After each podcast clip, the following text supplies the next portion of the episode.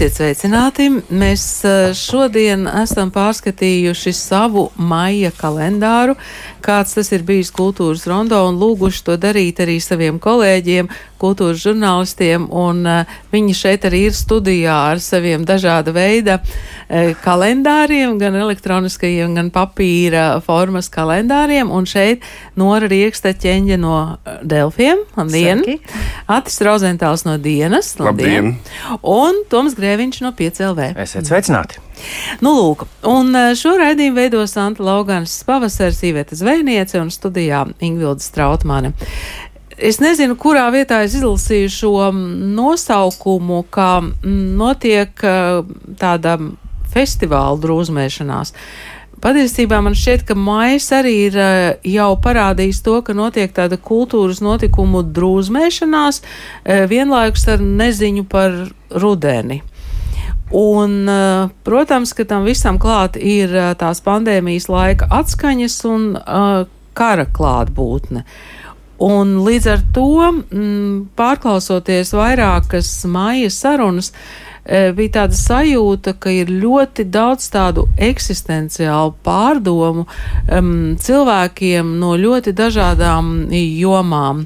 Dažas no tām mēs arī šajā mm, stundā dzirdēsim, bet um, droši vien, ka divi vārdi, kas uh, maijā noteikti skanēs lieliem burtiem, tas ir Purvītis un Malkovičs, bet uh, varbūt mēs varam atgriezties pie Sigmas, kuras koncerti un albums ostinācijas arī ir maija kalendārā, un uh, Nora ir bijusi klāt.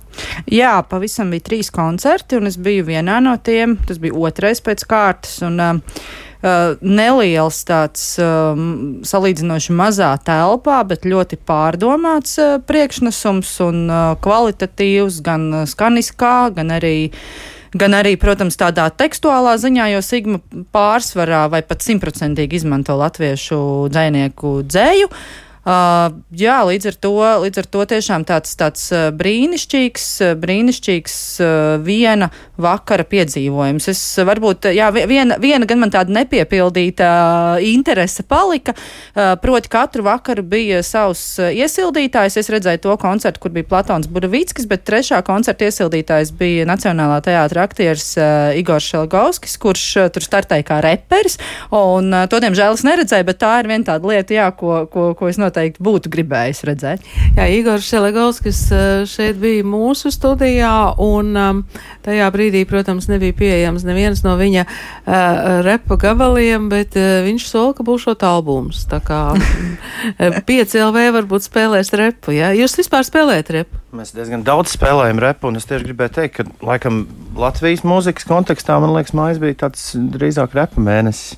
Vismaz man uh, viņš ir palicis tādā tādā atmiņā jauni, jaunas skaņu plates. Galvenokārt jā, mūsu kolēģim Rolandam Čē un Arturs Skutels un Tvērumi arī tāds hip hops, kuru mēs vienmēr pieminam arī, piemēram, Austrijas balvā, kad uh, gada nogalē meklējam, kas ir bijis vislabākais. Jā, no Artūras Kutaļa hip hops un tas, ko viņš dara, uh, tomēr izkāpj ārpus uh, kaut kāda šī žanra rāmja, un tas noteikti ir kaut kas, kas varētu būt interesants arī cilvēkiem, kas uh, neklausās šādu veidu mūziku. Gal galā viņš ir izglītotākais uh, repa izpildītājs Latvijā. Grādu, jā, doktora grādu literatūra, literatūra pētnieks, tā kā, tā kā jā. Jā, jā, bet, bet Igor Šelegovska vai ar skatos vārdu Indigo man šķiet, viņš, eh, viņš eh, startēs. Es domāju, ka tas arī varētu būt interesanti, kā aktieris ir nonācis līdz šādai otrai savai identitātei teātris, un, protams, pēdējās dienās ir jautājums, vai Malkoviču jau biji? Es varu lepni pateikt, ka es Malkoviču redzēju šeit pat vecrīgā, bet eh, daži ir redzējuši uz skatuves. Tā kā lūdzu, eh, Kokvilnas lauka vientulība, Dailas teātris Es, Malkovičs. es ievadam gribēju pateikt, ka es arī es biju klātesošs Malkoviča pirmajai vizītei Latvijā pirms, pirms pandēmijas, kad viņš, kad viņš runāja kopā ar vienu simfonisku orķestru jūrmalā. Ā, Vienu, vienu monologu, kas man liekas, no tādas lielas kultūras telpas, vispār šis fakts, ka tas, ā, ka tas notika, ā, bija kaut kur paslīdējis garām, un par to diezgan maz runāja, tīpaši latviešu rakstošā prese. Tas ir labi, ka tu biji klāt. Bet, un līdz, līdz ar to tajā brīdī, kad es uzzināju, ka viņš ir redzēts pie Dēls teātra, tad man likās, ka tas ir tikai likumsakarīgi. Tad viņam te ir iepaticies. Nu tad Kokvilnas lauka vientulība. Jā, mēs ar Noru pirms šī raidījuma vienojāmies, ka mēs protestējam pret to, ka tiek izcelts tikai Malkovičs. Mums abiem patīk arī Ingeborga Dāponē. Jā, tā, tā, mēs, tā mēs runājam, ka tomēr nepelnīti. Mēs, mēs tā kaut kā jau mm, sarunās ir iegājies Malkovičs izrāda, Malkovičs izrāda, bet tomēr uh, Ingeborga Dapkunaita ir ārkārtīgi spēcīga un iespaidīga uh, šajā tiestudējumā. Bet, kas attiecas uz izrādi kopumā, vispār tur ir ļoti daudz um, aspektu, ko, par kuriem varētu runāt, sākot ar publiku. Jo, uh, jo publika ir īpaši pieredze Jo bija, publika ja? ir ļoti interesanta. Publika ir tāda, kas viena daļa nu, ievilkās no tad, kad es biju svētdien.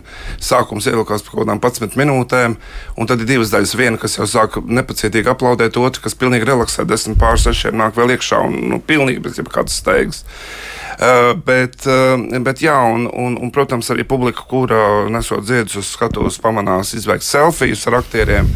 Es ceru, ka tā nekļūs par, par sērgu, jo tad ir tiešām nāksies aizliegt ziedu pasniegšanu teātros vispār. Bet, um, bet uh, kas attiecas uz izrādi, uh, tad Timofeja Kuļābina vārds jau mums arī ir pazīstams, un it sevišķi pandēmijas laikā ļoti daudz paspēja nostīties to, ko viņš ir uh, režisējis uh, Novosibirskā, kurā viņš vairs nav. Es saprotu, ka tagad daudz kur Eiropā viņš teica. Jā, jā, jā. Nu, viņš, tagad, viņš tagad ir Eiropā, tāpēc viņš no, Novas- no Krievijas aizgāja projām pavisam kara dēļ. Bet, bet viņa vārds mums arī, protams, ir viens no magnētiem zinātājiem. Bet izrāda ir ļoti nu, tāda viltīga, jo tā ir nu, Koltes, ir dramaturgs, kurš neraksta sižetu. Un uh, viena lieta ir tā, ja mēs bez programmas lasīšanas skatāmies, tad mēs nolasām kaut ko vienu. Ja mēs izlasām, ko tieši izrādes veidotāji ir domājuši, tad mēs skatāmies uz to savādāk. Jo tur var ļoti daudz, ko, nu, ļoti dažādi nolasīt. Un, un arī tā lieta, ka izrāda ir, um, principā, Lūga ir rakstīta diviem vīriešiem, jo Lūga ir ar tādu zemtekstu par homoseksualitātes tēmu, kas principā tekstā nekur neparādās.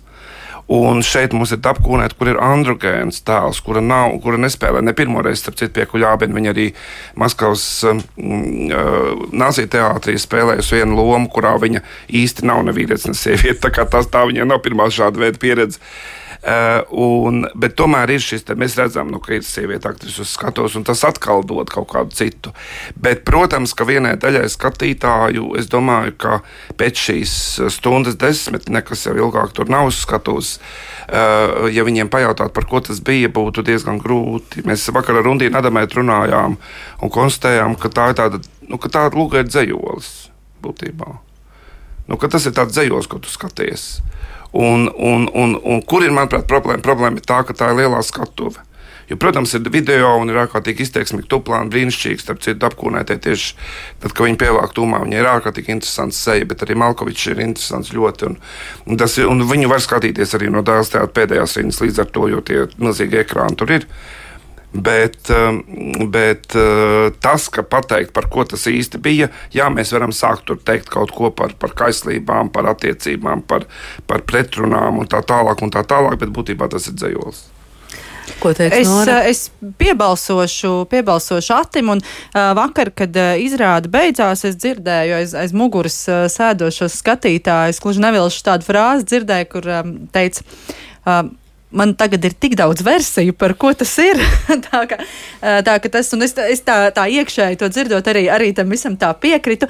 Jo, protams, ir skaidrs, jā, ka, ka, ka tur ir runa par aizliegtu, nosodāmu kaislību, iekāru. Tas, tas, tas, protams, nolasās, un es, starp citu, esmu viens no tiem cilvēkiem, kas neizlasīja programmu.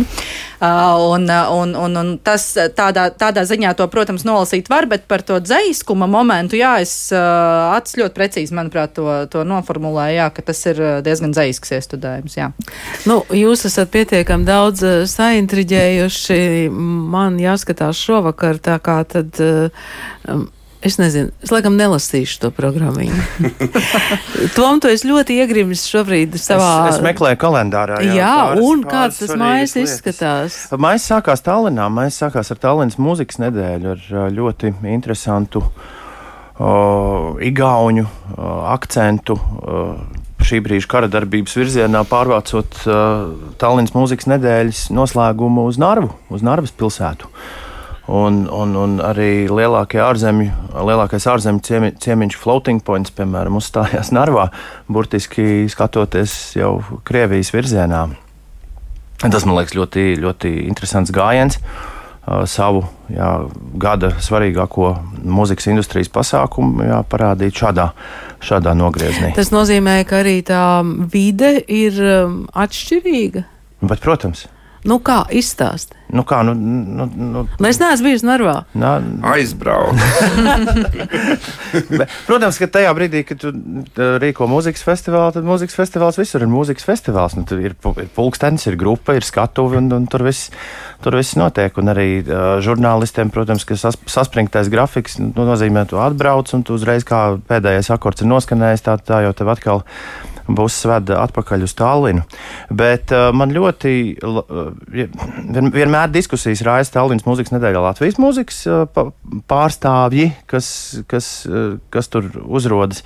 Uh, uh, respektīvi, uh, Igauni ļoti mīl pašu savu mūziku, un, un latviešiem viņi atvēl parasti no kaut kādiem simts māksliniekiem tikai kādas sešas vai, vai, vai septiņas vietas. Un, un, un, un ir forši, ka vēl joprojām tur ir iespējami pārsteigumi. Un, uh, mans lielākais pārsteigums no mūsu pašmāju mūziķiem bija vokāliste Elīna Ose kura ir radījusi pavisam, pavisam interesantu projektu, kuras noteikti izrunāšu nepareizi, jo tas ir uh, livoniešu valodā - Kolmrando. Un, uh, tad, tad viņas. Uh, lībiešu? Lībiešu, Livonienu, jā.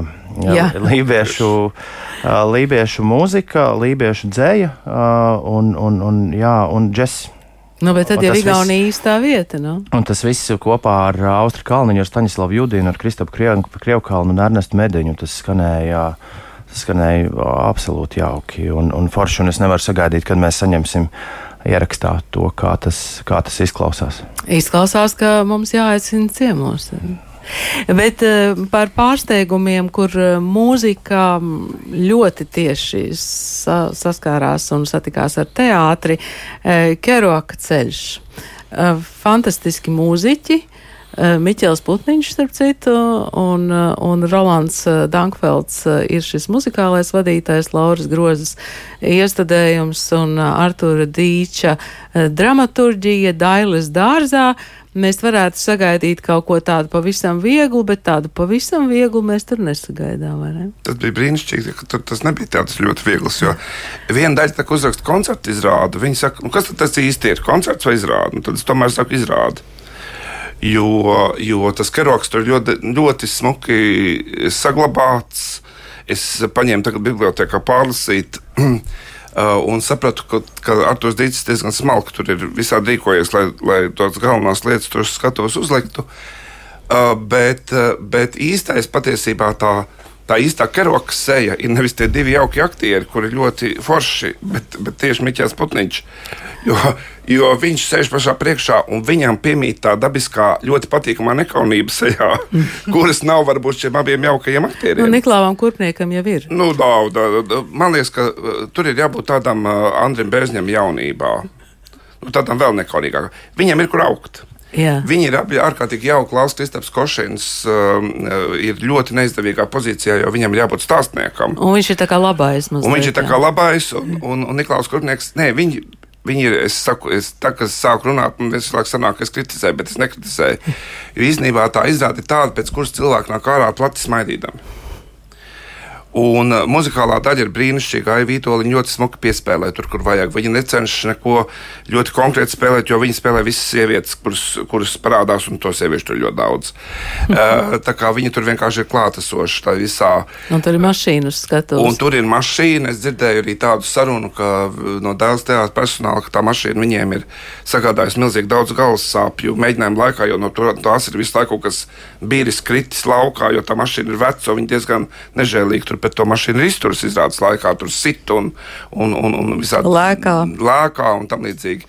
Bet, eh, bet tā atmosfēra ir absolūti lieliska, jo, jo tur iet cauri tā, eh, tā draudzības stīga, un tās, tās beigas ir tādas gaišas, skumjas, jo viņš šķiras, eh, kad viens no viņiem brauc uz metropoles operu, un otrs ir, ir nonācis tādā ļoti bedīgā dzīves situācijā, un skaidrs, ka viņi nekad vairs netiksies.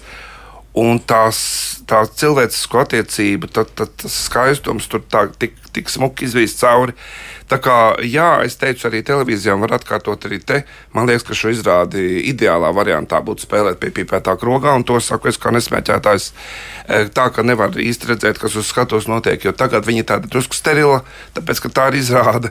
Bet, e, bet tur ir ļoti daudz jaukuma. Tur ir ļoti daudz jaukuma. Jā, un droši vien, ka mm, diezgan daudz sameklēs pēc tam Keroka ceļu izlasīs, jo, ja tā ir tāda Amerikas Rīgas bītu, centrālā bibliotekā pēc manis vēl divi eksemplāri palika. Amerikas bītu paudzes bībele, kā es izlasīju. Bet eh, šajā brīdī es aicinātu jūs paklausīties um, divas uh, tādas eksistenciālas pārdomas. Viena par to, kādā veidā mm, laikmetīgā kultūra varētu uzrunāt dažādas sabiedrības uh, grupas, un par to izteiksies laikmetīgās kultūras nevalstisko organizāciju asociācijas izpildu direktora Līga Lindenbauma. Savukārt, um, Gaidot muzeju naktī, kurā savukārt atkal bija muzeja, kur nepiedalījās, mēs um, aizrunājāmies tik tālu, kāpēc vispār cilvēkam ir jāiet uz muzeju, ja viņš visu var paskatīties digitāli. Un par to savukārt reflektēs UNESCO kultūras programmas direktora Inga Surgunte un Pauls Stadiņa medicīnas vēstures muzeja direktors Kaspars Vanaks. Bet mm, vispirms tātad Līga Lindenbauma. Kultūrai savukārt ir varētu teikt, tāda iespēja vienot cilvēkus, eh, radīt eh, kopīgas vīzijas, stāstīt par eh, laikmetu, kurā mēs dzīvojam, caur tādiem spēcīgiem mākslas tēliem, uzrunāt cilvēkus, radīt viņos empātiju, radīt arī diskusijas un, un arī aktualizēt dažādus tematus, kuri varbūt līdz šim sabiedrībā nav tikuši aktualizēti. Tas ir tas kultūras, varētu teikt, tas, nu, tā lielākā jauda. Un, ja mēs paskatāmies šobrīd uz, uz Latvijas sabiedrību, nu, karš mums ir kā tāds lakmus papīriņš, uzrādījis, varētu teikt, tās problēmas, kas mums sabiedrībā ir bijušas. Mēs esam zinājuši, ka mēs dzīvojam tādās dažādās kopienās, eh, varbūt esam bišķi tā kā izlikušies, ka, ka tas nenotiek šobrīd. Pēc tiem pēdējiem notikumiem mēs redzam to realitāti un it kā esam pārsteigti. Bet nu, es teiktu, ka šis ir tas lauks, kur kultūra kā reiz varētu iesaistīties. It īpaši tāda laikmetīgā kultūra, kas ir kultūra, kas rodas šobrīd, ko rada mākslinieki. Reaģējot uz aktualitātēm, uz, uz sabiedrības, varētu teikt, tādas temperatūras izmaiņām, tā ir tā, kas, kas cilvēks tiešām var arī uzrunāt par, par šī brīža aktualitāti. Domāju, ka nav tādu drošu pierādījumu, ka cilvēkiem ir jāiet uz muzeju. Es domāju, tā ir tiešām viena iespēja, kā uzlabot savu labsajūtu. Jo kamēr mēs esam fiziskas būtnes, mums ir svarīgi kustēties, mums ir svarīgi izgulēties, paēst, elpot. Un muzejs ir viena, viena vieta, viena tāda īpa, īpaša telpa, kurā to visu var iegūt. Tā, man liekas, ka Latvijā mums ir ārkārtīgi būtiski, ka muzejs ir tās vietējās kopienas uh, tikšanās vieta, kur mēs varam kūrētas sarunas savā starpā baudīt. Jo, protams, ka nu, tas ir tāpat kā viesībās, vai mēs runājam par visu un neko. Vai tomēr kāds uzņemās to, to sarunas virzību, nofokusētu, lai, un arī lai cilvēki nerunā viens otram pāri, lai ieklausās. Un muzejs, man liekas, ir noteikti tāda vieta, varētu būt. Ja muzejā tu redzi kas tur, pieņemsim, nāciju kopā, kas tur mūsu kopā kā, kā pilsētniekus, rīdziniekus. Ja? Ja ir tā sajūta, ka sāk pazust piederība. Tā kā Tad ir jāiet uz muzeju. mazliet. Jā, tad ir jāiet uz muzeju.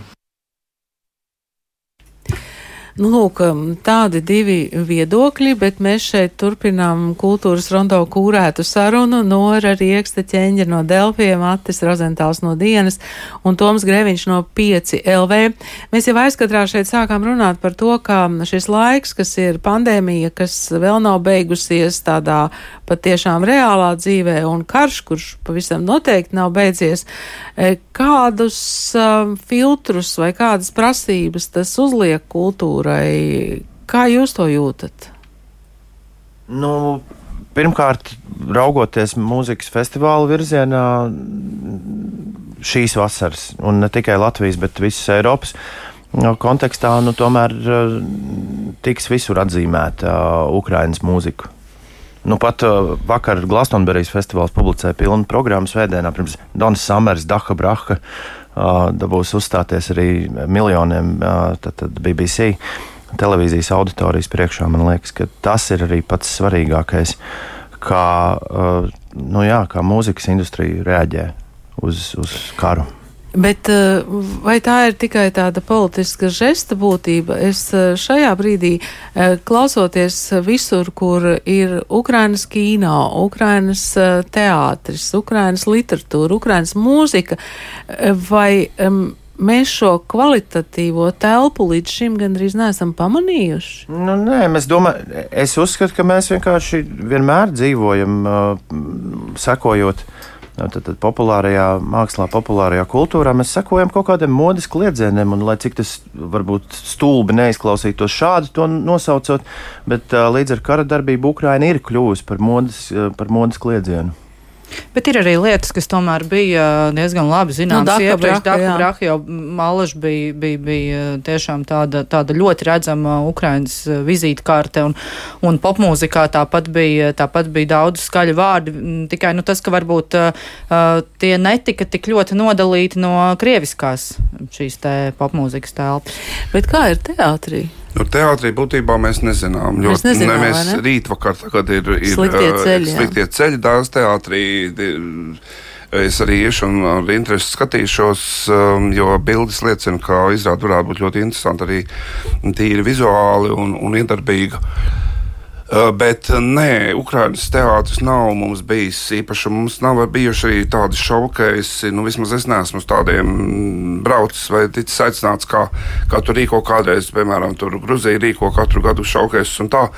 Ar Ukraiņu man nav bijusi tāda saskara, un viņi nav, nav īpaši braukuši uh, uz šejieni. Un, un, protams, ka tā interese arī par Ukraiņu dramaturģiju, jo sliktos ceļus jau tagad iestudēs arī jaunais Rīgas teātris jūnija otrajā pusē ir pirmizrāde. Un, un, un, un, un, es domāju, ka tā interese būs, un, un patiesībā, protams, mēs varam sev uzdot jautājumu, nu, sliktie ceļi galu galā ir par 14. gadu, jā, tad kāpēc, kur mēs bijām ātrāk, jā.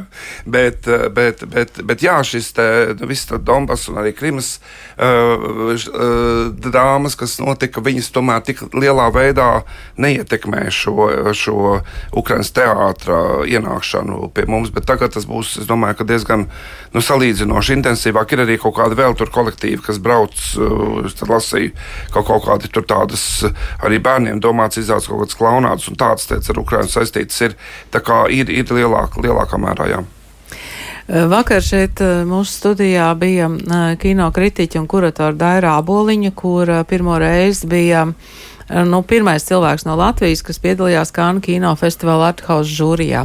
Viņa stāstīja par tām filmām, kas tur ir redzētas, jo viņa noskatījās patiešām šo 21 filmu, un tas ir ļoti interesanti. Protams, tāds skats viņa arī solīja, ka daudzas filmas ceļos uz Latviju. Un uh, viņi minēja tur tās vairākās tendences, kādas nu, tur ir. Ja vēlaties, tad uh, vakardienas kultūras rondo var noklausīties arhīvā. Bet um, ir tāds uh, pilnīgi negaidīts uh, žūrijas spriedums, ka gan zelta palmas zaru iegūst tāpat filma, kas uh, iegūst Arthouse uh, žūrijas uh, atzinību. Un tā laikam notiek ļoti reti. Un tā ir. Um, Oslunda filmas skumju trīs stūris. Ja kāds atceras, viņam bija filma kvadrāts. Ja? Tad Nu, lūk, un, um, un Daira Abolī faktiski šeit studijā izstāstīja šīs filmas trīs daļas. Un uh, viena mm, daļa ir arī uz kādas oligarhu jahtas, un tagad paklausieties, kāda ir trešā daļa. Un trešā daļa ir, kad šī visa šī, no šīs te, no šī te nosas šķirstavas, kura ir tikai netikumi, kādiem pieciem vai sešiem cilvēkiem ir jāizdzīvo. Un viņi not, nonāk uz neapdzīvotas salas, kur izrādās visam, kas viņiem ir, nav nekādas nozīmes. Nozīme ir tikai cilvēkam, kurš uz kuģa ir bijis um, apkopēja. Un viņa vienīgā zina, ko darīt uz neapdzīvotas salas, kā iekurt uguni, kā noķert zivi. Un arī šajā nodaļā tas unikālākais ir tas, kā mainās uh, vērtību sistēma. Pirmkārt, šai bandai visai, kas tur ir tagad tādi puspliki izglābušies, ir jāpieņem to, ka ka šī sieviete, kuru viņi nekad nav pamanījuši, diemžēl ir vienīgā, kura viņiem varētu palikt izdzīvot. Bet šī sieviete savukārt izmanto varu ne tajos labākajos veidos, kādos cilvēki. Viņi tā kā atriebjās drusku viņiem visiem par to. Es tā pagari izstāstīju, lai visiem būtu skaidrs. Un tā tad šīs trīs daļas veido šī, šo tru, skumju trīsstūri, parādot, draugi, cik tālu mēs esam, kurš iekurs uguni. Tādu nav. Iesaistieties! Telefoni tiešraidē 67, 222, 888 vai 67, 22, 55, 99. Nu, kurš iekurs uguni? Vai kāds man... Izklausījās, ka Ingūns Bergmans kapā ir priecīgs par savu tautieti. Jā, par, jā, savu, jā. par savu tautieti. Tad viss, nu, viņš saka, viss turpinās, viss, mm. ir, viss ir kā vajag. Es filmu neesmu redzējis, bet pēc, pēc šī stāstītā tas izklausās kā, kā, kā laikmetam tieši. tieši naglais galvas, vai kā vēl precīzāk pateikt, jo, jo jā, grūti laiki un, un juku laiki jau ir tas, kas atmet, atmet atpakaļ pie pamata prasmēm, pie kaut kādām pamata attiecībām, pamata vērtībām, un, un protams, tās atkal ir jāpārskata. Atim, mm, es neprasīšu par to uguni. Es domāju, es domāju kas tev vēl tajā māja kalendārā ir.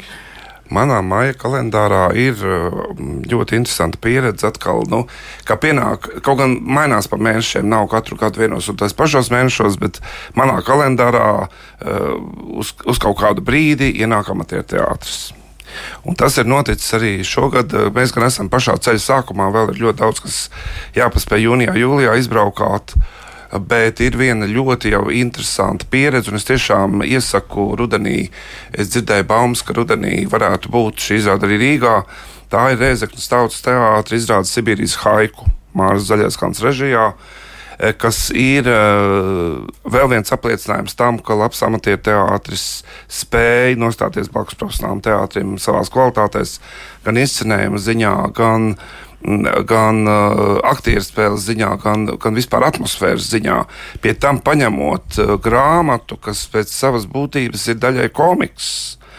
Un spējot viņu tik ļoti interesanti, it kā caur atsevišķinājumu, bet tā pašā laikā emocionāli uh, uzlikt uz skatuves, kā neteikšu, kura, bet viena no trim žūrijas locekļiem sāk raudāt apmēram 20. minūtē.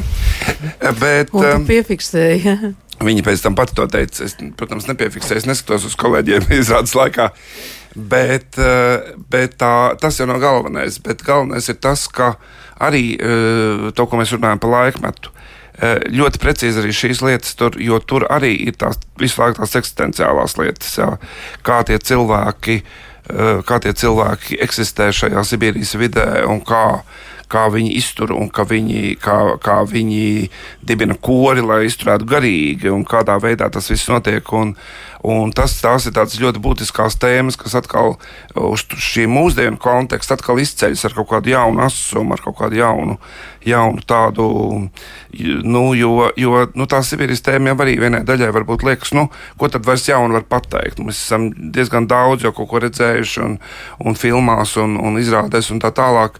Bet atkal ir kaut kāds pavērs, atkal ir kaut kāds ar šo lietuviešu autoru darbu, eh, kur, kur viņi arī ir sadarbojušies, izrādes veidotāji ar, gan ar autoru, gan apgādu liels un mazs, lai tur tās daļu to komiksu arī uz skatuves uh, video variantā parādītu. Un, un tas, man, tas man atstāja tādu ļoti lielu iespēju uz mani, tīri emocionāli.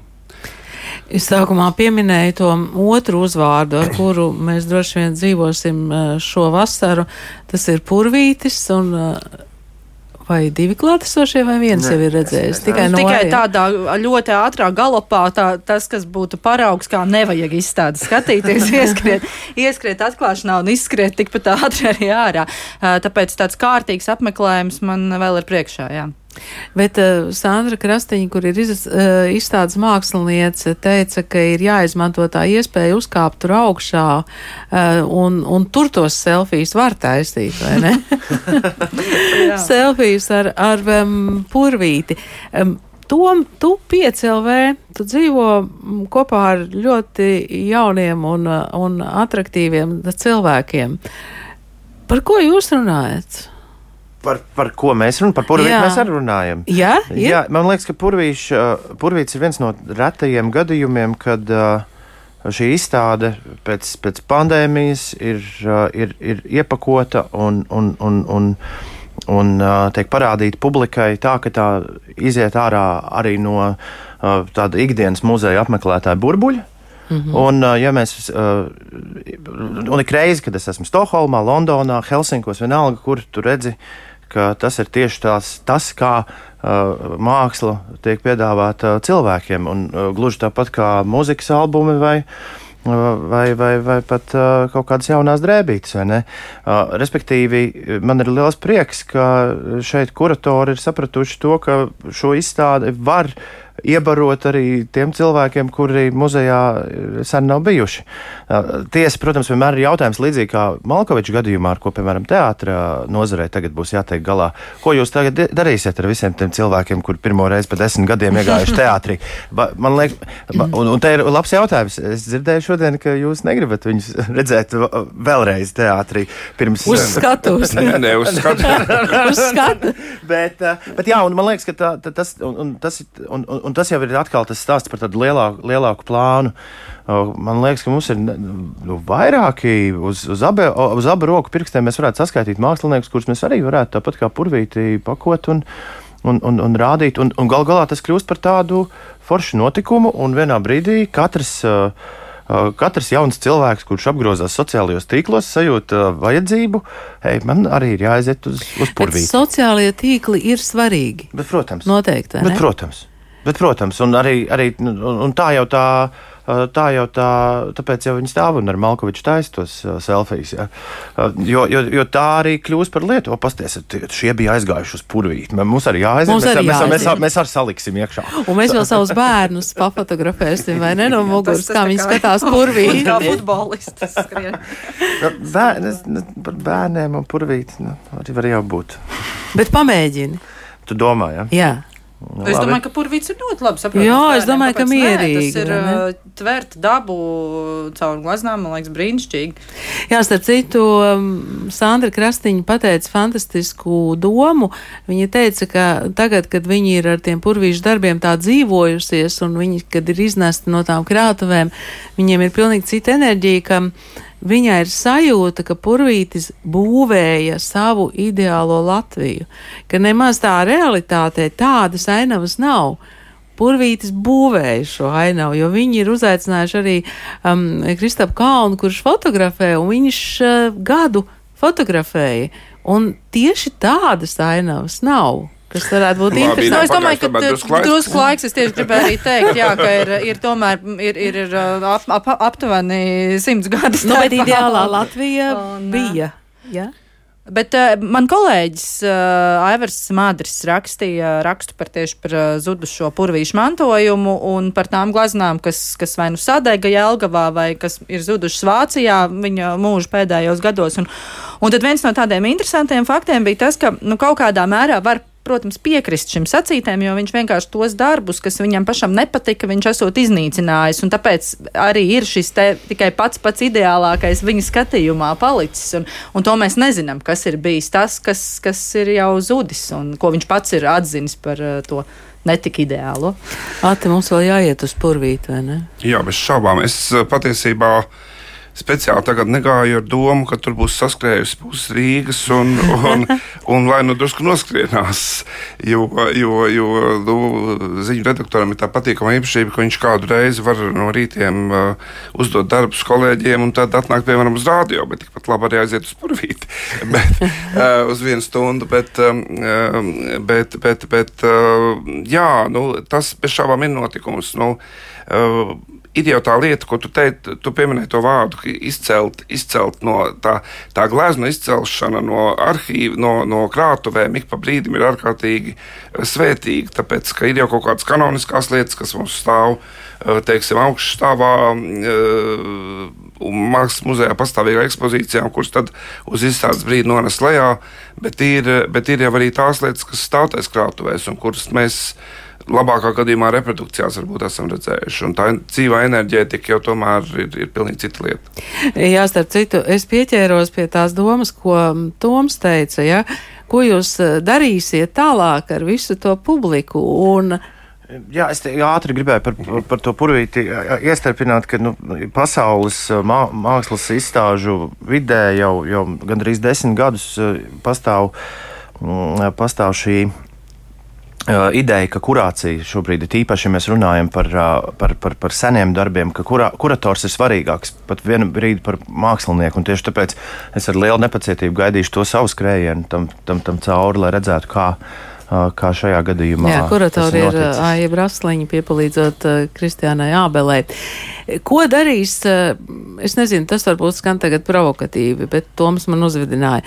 Ko Dailas teātris tagad darīs tālāk, kad viņiem ir bijuši Degunraģi, kad viņiem ir bijis Rotko, kad viņiem ir bijis Malkovičs un Keroka ceļš un, un Jūlijas varbūt piedzīvojam arī ko dēls teātris varēs darīt. Tā? Man liekas, ka mēs to uzzināsim šodien, pulksten divos. jā, jā, jā, jā viņiem ir konferences par nākotnes plāniem. Jā.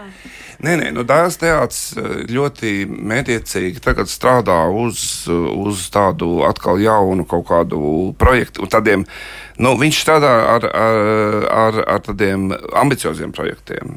Tas, ko mēs jau zinām, ka būs rudenī Viesturam Kairišam izrāda ar Ģirķu Česteri, Dievs nu dot man atcerēties to nosaukumu, Farinelli, uh, Farinelli un Karalis, uh, uh, kas arī jau liekas, ka varētu būt interesanti, jo tur ir, tur ir mm, tādi interesanti leļu elementi un tā tur ieviesti, ko, ko jau, kas jau ir mazliet jau atrādīti, ko mēs esam jau mazliet tā kā esam esam redzējuši, ka kaut kas tāds varētu būt.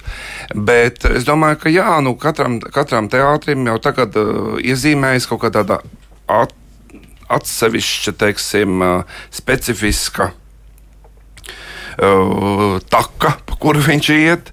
Jā, varbūt Nacionālais teātris ir drusku piebremzējis, viņi vairāk orientējas. Viņi tagad arī izlikuši nākamās sezonas abonementu publikai. Viņi atgriežas pie abonementiem. Viņiem ir četras pirmizrādes nākamā sezonā jau zināmas. Tie ir vietējie režisori, kas to dara. Tās ir divas zināmas Slutskas izrādes, viena Valtera Sīļa, viena Elmāra Seņkova izrāde. Viņi varbūt ne, nav tik ambiciozi uz kaut kādu ārvalstu režisoru piesaistīšanu, jo uh, man patika, ka tās teātra direktors uh, Juris Žakars jau tā diezgan pārliecinošā tonī runā par to, ka nākamās sezonas beigās Džons Malkovičs varētu atgriezties kā režisors. Uh, pats Malkovičs bija pieļāvuma formā teicis, ka viņš to neizslēdz. viņš vēl nebija pārliecināts. Ka viņš, ka viņš varētu atgriezties, bet arī tas noteikti varētu būt ļoti interesanti. Tā kā, tā kā jā, nu katr, katram, katram tas atvēziens ir, ir, ir atšķirīgs, jo nu, nav jau noslēpums. Pilsētā jau runā, ka šo Malkoviča projektu jau sākumā savulaik piedāvāja Nacionālajiem teātrim. Ak, tā pilsētā runā. Labi, ka mēs uzzinām. Labi, ka mēs uzzinām. E, Jauniem cilvēkiem, tom, kurš teātris ir niša, vai, vai nav teātris, vispār nav niša? Uh, nu, kā Dailas teātris, loģiski. Nopietni, ja? Nē, nu kā, nu, te mērķiecīgi uz to viņi Uz arī to iet. strādā. Uz Jā. to arī strādā, ja? Viņi, viņi arī strādā manas pieminētajos sociālajos tīklos, tā kā neviens, neviens cits. Jā, Starp citu, šis ir jautājums arī par uh, visiem Latvijas radio raidījumiem. Man šķiet, mēs radām ļoti daudz laba satura. Uh, iepakošanas jautājums joprojām ir aktuāls. Kā tie mm, labie saturi tiek Jā, iepakoti un nolikti noteikti, platformās, kurās ir mūsu potenciālie klausītāji. Nē, bet nu, tas, ko tu arī runāji par to, nu, ka mēs runājam par kuratoru darbu un izstādēm un tādām lietām. Nu, ārzemēs, piemēram, tad, kad tu aizies uz kaut kādu, ir vesels lērums to, ko, ko es saucu par, par lausku un būtu uzgaļu muzejiem. Ja? Uh, un tad ir ārkārtīgi svarīgi, kā tu tās poda lauskas un būtu uzgaļus, kā tu viņus, Kā tu viņus pārdod, jā. Kā tu viņus parādi. Un ir, kuri ļoti konservatīvi to dara, un ir, kas parāda tā, ka tu ej un domā, paklausies, es šobrīd eju pa, lau- pa, pa podu lausku muzeju, bet man ir mežonīgi interesanti. Un tas ir tas jautājums, vai, teiksim, Prāgā ir, ir Kafkas muzejs, kurā nav neviena autentiska Kafkas priekšmeta. Neviena. Un tu izēji cauri, un tev ir skaidrs, kas ir Kafka. Tev ir pilnīgi, pilnīgi viss skaidrs par viņu. Tas ir jautājums, kā tu to, kā tu to parādi un kur ir tas talants tam, tam mā- tai mākslinieku grupai, kur, kur strādā pie tā un kur izceļ kaut kādas lietas, kur tev aizķers tā interese. Tātad iepakojums ir bezgalīgi svarīgs, un tomēr, tomēr tā Ir ir. pakojums, kurš kļūst par satura daļu. Jā, bet tomēr ir jābūt kodolā, jābūt saturam. Bez šaubām. Varbūt. E, Toms palika domīgs. Labi, mēs turpināsim pēc mēneša, varbūt.